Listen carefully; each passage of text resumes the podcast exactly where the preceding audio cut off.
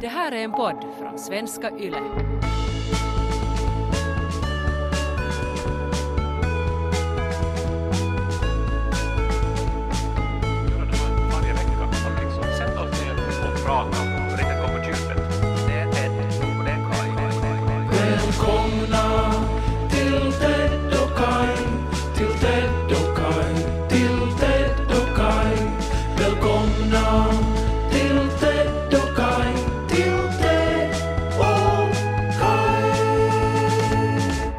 Hej Kai.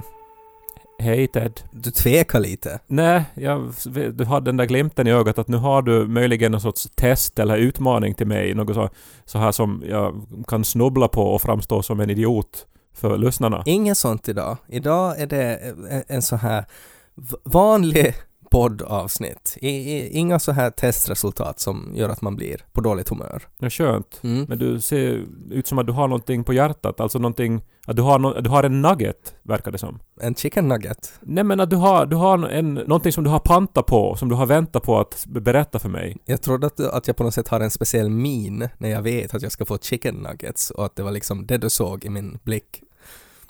Nå, säkert är det en liknande min du har när du närmar dig disken och har beställt den här teamboxen. Ja, nej men jag, alltså jag har faktiskt, jag har, jag har en glimt i ögat för att jag har, eh, jag har fått en present som vill dela med mig. Jaha. Ehm, och ja, det är en intressant historia, men kommer du ihåg eh, min nemesis?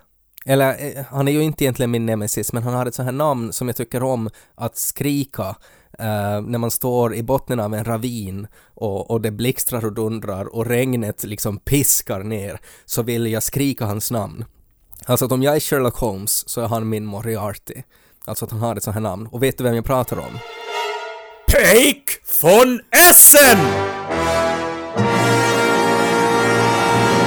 Ja, exakt.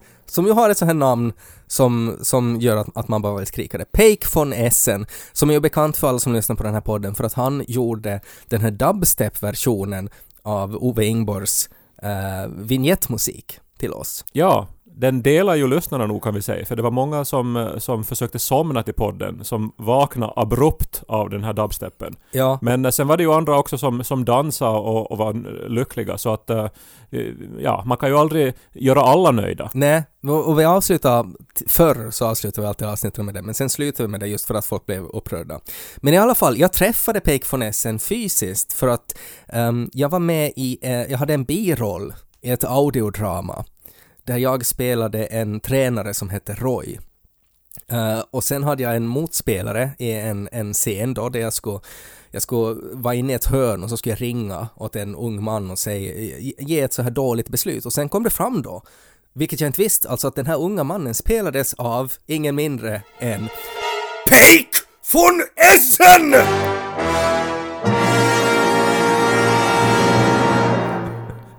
Eh, vad spännande och, och vilket sammanträffande. Ja, det var jättejätteroligt. Eh, sen pratade vi då och han var ju otroligt trevlig, Peck von Essen. Inte alls sådär som man skulle kunna tänka sig att en Sherlock Holmes nemesis skulle vara. Men sen när, när, när det var liksom färdigt och vi hade liksom banat in vår scen och vi var på väg därifrån så jag plockade han upp en påse och så sa han Ted, jag har en present åt dig. För visst är det så att du tycker ju om chips du? Och så, Mhm. och så, så sa jag att, att ja, no, det har hänt sig att jag äter chips ibland. Och så fick jag alltså en, en sån här påse. Jag håller upp åt dig nu. Alltså det här är, det, det här är inte liksom van, det är inte så här chips som finns i Finland. Utan det här är något ehm, chips där det står att det är the number one Indian snack brand. Alltså det här är chips från Indien. Okej. Är det så här sesamchips då? Så här, vet du, Nej, utan det, alltså Nej. det är nog vanliga. Det, det är nog liksom gjorda av potatis. Eh, och så står det då att det är chili och, och lemon, alltså chili och citron. Och så står det grills också. Och så är det igen den här elefanten. Ja. Eh, och och jag, jag, jag har inte smakat på de här chipsen men jag tänkte att, att jag skulle kunna göra det som en grej här i podden. Alltså smaka på chips som jag aldrig har smakat på tidigare. Ja, men du, du är helt lugn med det här. Jag tänker så här, det har du väl ju säkert lärt till din son att, att om nu en främmande människa ger dig chips från Indien så, så ska han inte äta dem. Jag har sagt åt Lo att du ska förstås inte ta emot gåvor av främlingar om det inte är chips och då ska du ta dem åt din far. Det är liksom enda regeln, alltså att han får, han, han får få in i vilken skåpbil som helst om det finns chips där. Men om det är liksom något annat så då ska han ju inte vara förstås. Är du i allmänhet nöjd med att vara den här som associeras med chips eh, om och om igen av en stor och bred allmänhet? Jag får ju så här brev från, från människor. Alltså, eh, nu hände det bara för en vecka sedan när jag var i Österbotten på turné så fick jag sammanlagt fyra handskrivna brev av olika människor. Jaha, Som, som, som ville berätta saker för mig. alltså pensionärer då, som inte har internet? Nej, eh, unga, unga människor och, och äldre människor. Eller no, ja, framförallt unga människor var det nog. Okej. Uh, men, men jag menar, uh, alltså det är bara intressant att jag är tydligen en sån som man skriver brev till och du är en sån som man ger snacks till. Mm. Att, eller, alltså, jag, Ja men det, vad, det är var är inget- värderingen i det? Alltså Nej, ja, det du var sa ju det på ett sätt som att, att det är ju lägsta, liksom att, att det är ju strax bredvid kackerlackor är de här människorna som får chips. Och sen liksom strax bredvid Jesus Kristus är sådana som får brev. Nej, men jag tänker, man ger ju som, vet du, snacks och brödbitar vet du, till ankor också så här. Det, det, det för att man tycker som, om dem, för att man vill att de ska komma nära en och för att man vill se hur fina och vackra varelser de är och hur glada de blir när de får, när man Ja. får mata dem. Nå, men ska du smaka på det där nu då? Det var väl det som du skulle komma till här. Alltså det är ju spännande nog i och för sig då med nya sorters chips. Och eh, om det nu då är indiskt, jag, jag, jag hade ingen aning om att det fanns potatischips i Indien till exempel. Nu öppnar jag påsen. Sa han var han har köpt det här då? Att han har, eh, reser han i... in- Här var ett brev i påsen. Det här börjar nog bli alltså Moriarty här nu. nu, nu är det här nu då liksom något kravbrev eller något så här kidnappningsgrej? Det står ha ha ha, jag lurade dig. Va? Och så står det pek på påsen. Och så är det knäckebröd i påsen! Pek från Essen!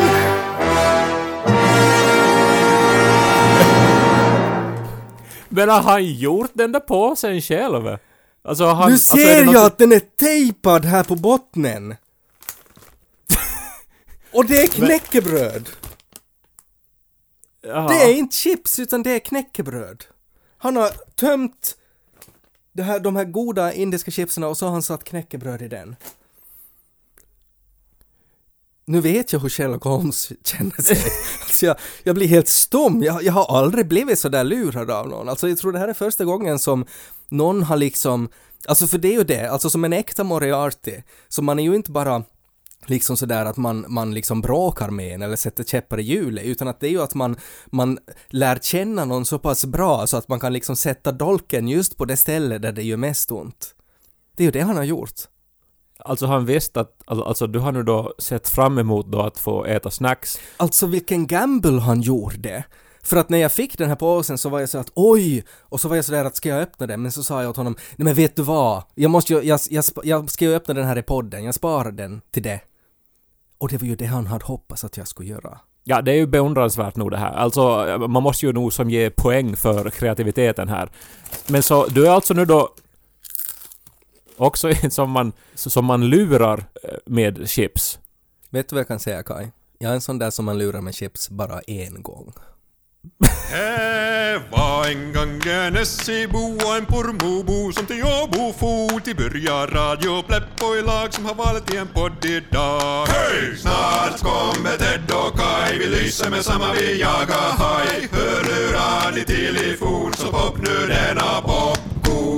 Det är nog ändå roligt det där när man har eh, fiender som på något sätt, att de förbereder som liksom fällor nästan. Eller alltså att de, de är bra på teknik och de använder den på ett sånt här Bondskurks-sätt.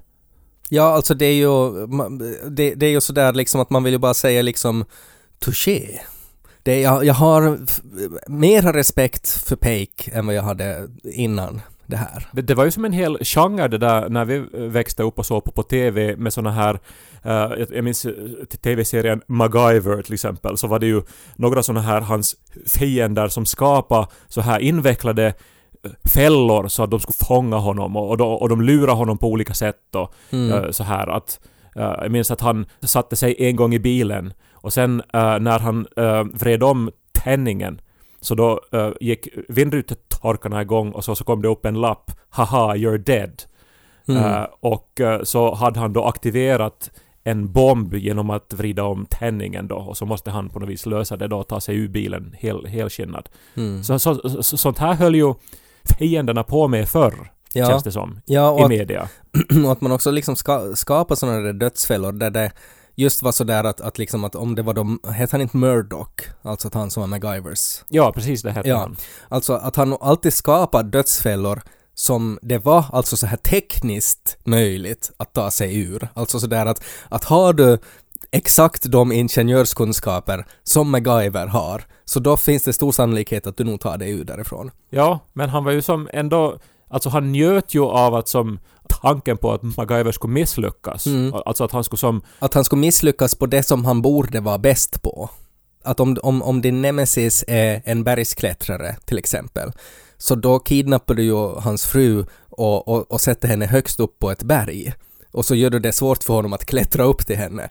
Medan liksom skulle vara eh, bara en, en random bad guy så skulle du kunna sätta henne ner i Marianergraven eller någonting och han har ingen dykcertifikation och det är liksom jättesvårt för honom. Men just att du för henne till ett berg där det är sådär att har han rätt utrustning och tillräckligt mycket talk på fingrarna så är det nog stor chans att han räddar henne. Överlag så har jag för lite ingenjörer i mitt liv har jag insett. Jag umgås ju bara med såna här människor som håller på med kultur typ eller skriver för tidningar och håller på med teater. Och de är underbara allihopa, men det är någonting speciellt ändå med ingenjörer. Typ som ju Murdoch och MacGyver och Peg von Essen tydligen är då, som kan skapa sådana här saker.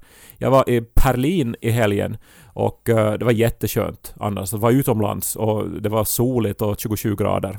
Och sen så var jag på en fest och eh, där mötte jag en kille som eh, höll på med sin smartphone och jag som såg att det var liksom någonting som var bekant men det var också någonting som var märkligt med det han höll på med. Så jag frågade honom då att vad han gör. Och det visade sig då att han var på appen Grindr. Det är som typ Tinder för homon och kanske mer inriktad då på att eh, snabbt träffa någon Mm. för att ha sex. Men eh, hans Grindr såg väldigt annorlunda ut. Och han sa då att det som vi ser nu på hans smartphone är alltså en spegling av hans dator i Zürich. Alltså hans desktop computer i Zürich. Ja. Och på den har han då lyckats engineera om Grindr så att han kan ha tre olika konton samtidigt. Och han kan alltså nu då i sin smartphone i Berlin vara alltså på tre olika Grindr-konton på samma gång på sin dator i Zürich.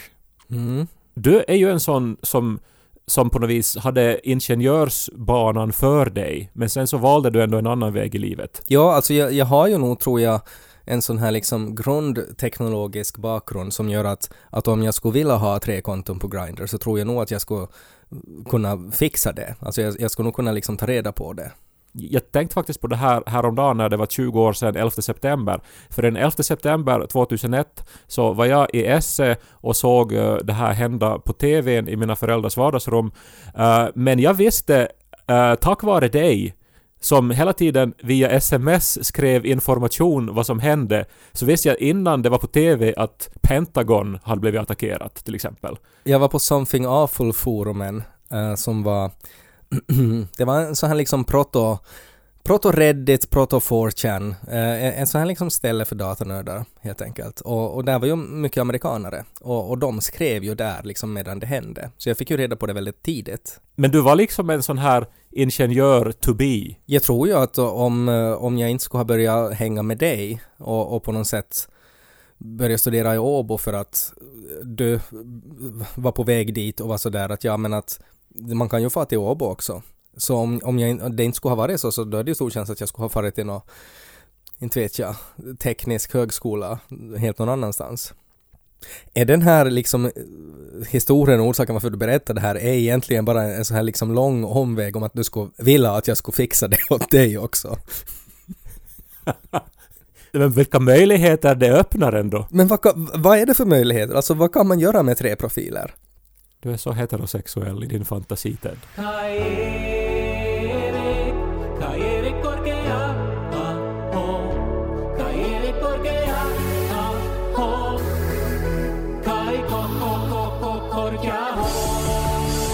Har en intressant diskussion på gång med Janika. Och eh, jag vet inte riktigt... Ja, alltså jag, jag, jag vet inte. Jag, jag tänker ju att jag har en bild av Janika hur hon är. Och hon är ju liksom... Hon är mamman till min son. Hon personen som jag valt att dela mitt liv med och sådär. Alltså att jag, jag, jag, jag har, sätter ju henne på en väldigt hög pedestal. Och upplever ändå att jag har ganska bra koll på vem hon är som person och vad hon, hennes värderingar och, och kanske sådär vad hon, vad hon tror på, vad hon inte tror på och sådär. Och eh, nu är det någonting som är sådär lite att det kan fara åt olika håll och att jag vet inte riktigt var jag ska placera det här än och jag tänkte att du kanske kan hjälpa mig med det här. Jag är ju expert på kvinnor just och hur de tänker och resonerar, så att vad bra du vände dig till mig. Det här är en grej som har väl varit en sån här återkommande sak men att det känns som Alltså att under hela tiden jag har känt henne så har, har det här liksom ploppat upp ibland. Men att det känns som att frekvensen har på något sätt ökat den här senaste tiden. Och att det känns som att i något skede så måste, måste, måste liksom hon bestämma sig vad hon tycker och så, så måste vi på något sätt utforska det här. Det börjar med det att, eh, att hon såg en bild av, alltså det här för, för många, många år sedan, så såg hon en bild av ett, ett ökenlandskap. Alltså typ så här Afghanistan, Mellanöstern, alltså så här en karg vildmark. eh, som så här mittemellan liksom öken och, och, och, och så här berg. Alltså så som jag kopplar ihop det med, med liksom, just så här 9-11, alltså just sådana här liksom berg där talibaner gömmer sig i. Alltså en, en, Och- ett sånt landskap. Just det, okej. Någon sorts högland, öken, stepp. Ja, och så, så visade hon den bilden åt mig. Och så sa hon att det här känns som hem för mig.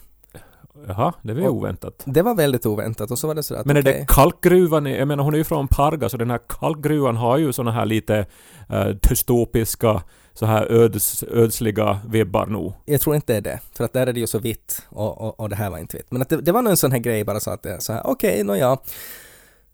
Men sen så, så, så blev det liksom mer och sånt där, att det kunde vara liksom vi kunde gå, gå på stan och så kunde vi gå förbi en, en restaurang, alltså en, en sån här Mellanöstern-restaurang helt enkelt, alltså så där, där man ju oftast känner liksom på kryddorna att det här liksom doftar väldigt speciellt, att det här är, det här är mycket såna här kryddor som man inte har i liksom finsk husmanskost, helt enkelt.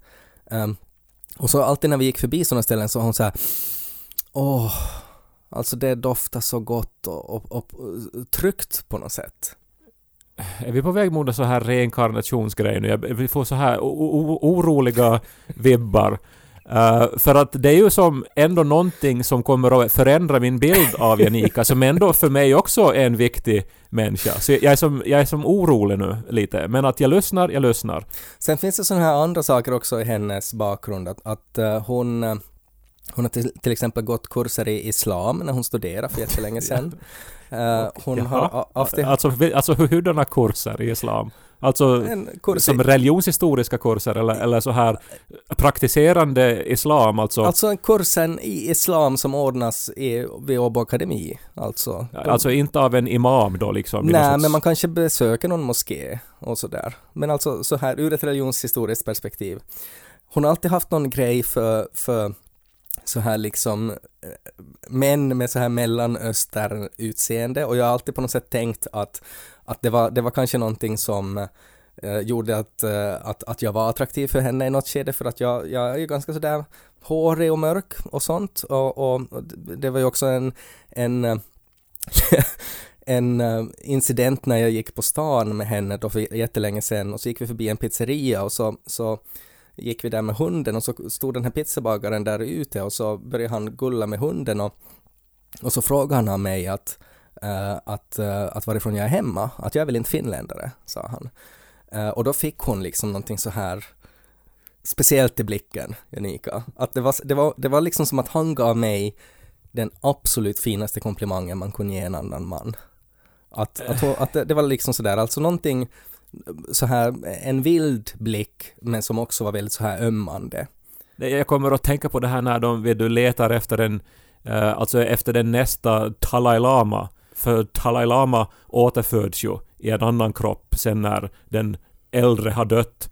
Och då li- liksom har de ju saker som har tillhört Dalai Lama som de typ visar för små barn och ser hur de reagerar. Mm. Eh, och, och sen på basen av sånt då så, så väljer de, eller så hittar de då den nästa Dalai Lama. Ja. Att vi, för vi måste ju vara på väg mot något sånt här håll. No, det har ju varit sådana För där inte det är väl att hon vill konvertera till islam inte? Nej, nej, det, inte ännu i alla fall. Alltså, det, det har nog varit så här små grejer som, som hela tiden ploppat upp och, och nu var det alltså igår var det igen, alltså att hon visade en bild av ett landskap och var sådär där hon bara visade och, och, var så här Ted, men att, att det här väcker på riktigt en så här liksom, som en sån här känsla av att det här är mitt hem. Och så var det då liksom, såg ut som en roskis i Kabul, liksom som hon visade. Men, och, och sen var, var det ju sådär, men vad, med, vad, vad, vad håller du på med liksom? Att, är, menar du alltså att, att, det här liksom, ja vad betyder det här? Och så frågar hon, Ted, var är alltså Palestina? så sådär, nej! att snart visade det sig att hon var liksom kompis med Jesus i något annat liv eller något sånt här. Att det på riktigt är sådär, eh, jag, jag tror inte att hon tror på reinkarnation. Men att det ändå är sådär att hon kan inte förklara varför hon upplever en så här stark känsla av att hon hör hemma vid de här stenarna och när hon visar sånt här. Och, och, och vissa dofter som förknippas med Iran, Irak, så upplever hon att det är liksom Ja, ja men så där ska det vara. Palestina är ju inte Iran och Irak, alltså hon, hon, hon, alltså hon verkar ju ha någon sorts blandning av olika idéer om Mellanöstern som hon nu som på, associerar på något helt märkligt sätt och som försöker få liksom att höra ihop och peka mot någonting. Men sa hon det alltså rakt ut nu då att hon tror att hon har levt ett tidigare liv i Palestina? Nej, Eller- vi, vi skojar om det. Men att, att vi skojar om det sådär som att, jag menar att det är ju det enda det kan vara, alltså finns det ju någon annan förklaring till det. För det är ju också en, en, en, en pervers blandning av religioner. Alltså, för pånyttfödelse hör ju ihop med hinduism och buddhism och inte med islam eller judendom. Mm. Men är det kanske att hon vill resa dit då? Jag sa åt henne sådär att, men just nu så är det ju inte riktigt läge att fara till Afghanistan, men att vi kan ju fara, vi kan ju liksom resa och fara dit. Till Afghanistan plötsligt? Var det inte Palestina? det, det, hon har svårt att, att avgöra, men att någonstans där det finns sådana där stenar och sådana där kaktusar. Men tänk om vi skulle fara dit då och så skulle hon liksom på något sätt börja tala i tungor eller så här gripas av en så här jättestark känsla liksom att nej, nu, hon ska konvertera, hon ska hon- hon ska bo där, att nu har hon äntligen kommit hem och så skulle hon inte vilja komma tillbaks till Finland och mer. Men då skulle du väl kunna bo där och, och liksom... Eh, vad ska jag göra där? Göra barnprogram från Irak? Du kan podda varifrån som helst och, och, och nog hittar du, hittar du säkert något, något mediajobb någonstans på något Palestinas lugna favoriter, eh, någon sån här morgonradiokanal.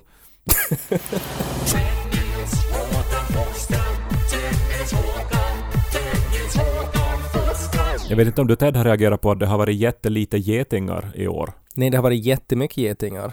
Det har, alltså, oskojat har det varit kanske 40 getingar om dagen in i vårt vardagsrum. Alltså att, att det har riktigt varit sådär att, att jag har funderat om jag borde ringa någonstans och meddela att alla getingar är sen här hos oss i Nordsjö. Men det är jätteintressant för jag skulle komma till att alla getingar fanns i Berlin ja, men tydligen är de i Nordsjö och i Berlin då. Det är jätt, alltså det här året har det varit otroligt mycket getingar. Ja, nå, jag hade på något vis reagerat på att det inte var getingar, men whatever. Mm. Eh, jag satt och åt frukost eh, på en uteservering eh, och omgärdades plötsligt av ett moln av getingar som var intresserade av min frukost. Mm. Och det jag såg var ju, var ju alltså fasansfullt. Alltså, dels så, så vill man ju inte då störa dem eller göra för stora rörelser för då kanske de anfaller tänker man. Eh, så man låter ju dem hålla på då och hoppas att de ska få iväg.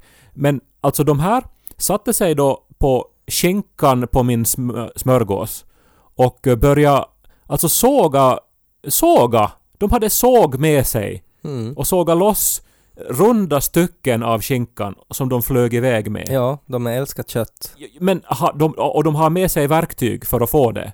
Ja, Och, det, och sen så gick jag liksom och läste om det här alltså att so, uh, do wasps eat the meat? Och så lärde jag mig då att nej, de tar alltså köttet och ger det till sina larver i, i sin kupa.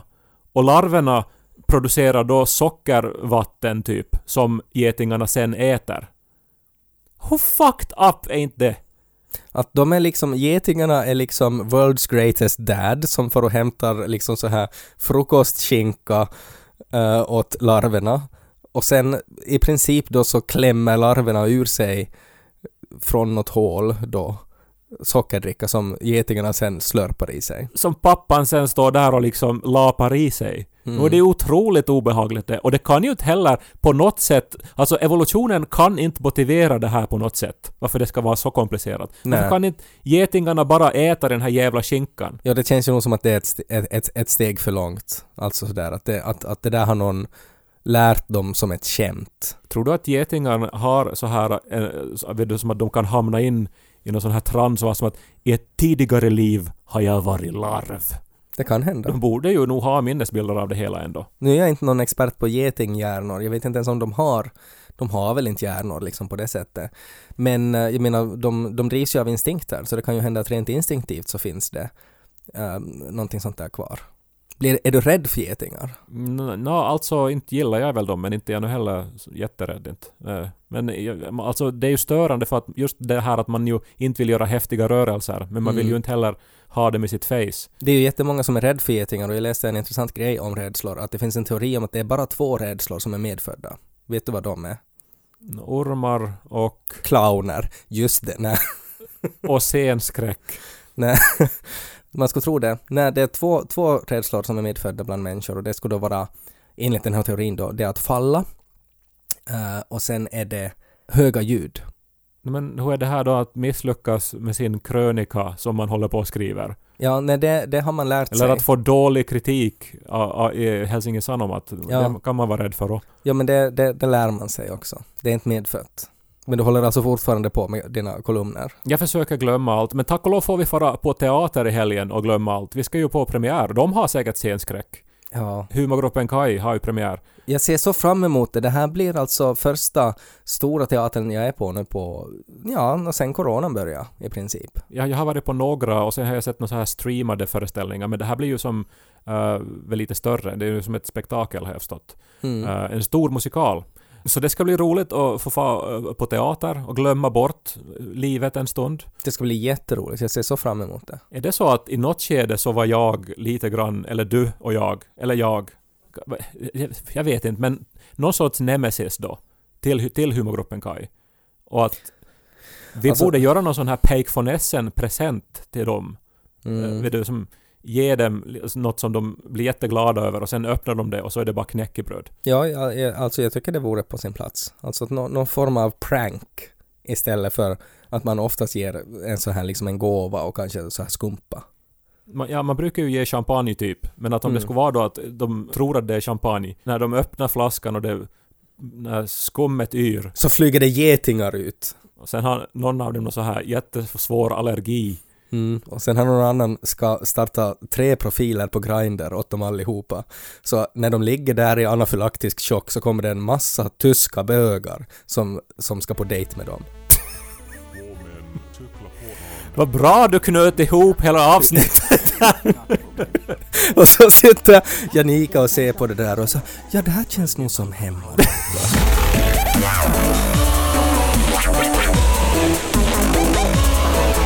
Mel Gibson.